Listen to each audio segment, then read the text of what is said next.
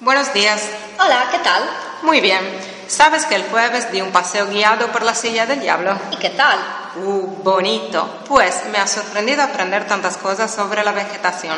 ¿Tú lo sabías que cada planta tiene muchos usos? Así. Ah, Mi abuela me hablaba siempre del timo, porque es una hierba aromática que utilizaba mucho en cocina.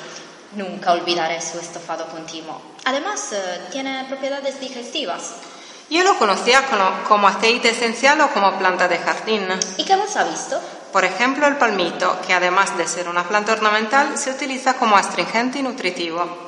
Ah, sí, mi tía tiene una cesta hecha con palmitos. Y hay también lentisca en la silla del diablo, ¿verdad? En efecto, sí. Nos han explicado que hoy en día se utiliza para repoblar jardines debido a su fortaleza y atractivo aspecto. En contra, de su látex se elabora una goma aromática llamada mastique, que utilizan los dentistas para hacer barnices. No tenía ni idea. Otra planta de la que se extrae y se utiliza posteriormente el látex es la euforbia resinífera, que se usaba en las pinturas para el casco de los barcos, ya que su fuerte toxicidad evitaba el crecimiento de especies cecilias.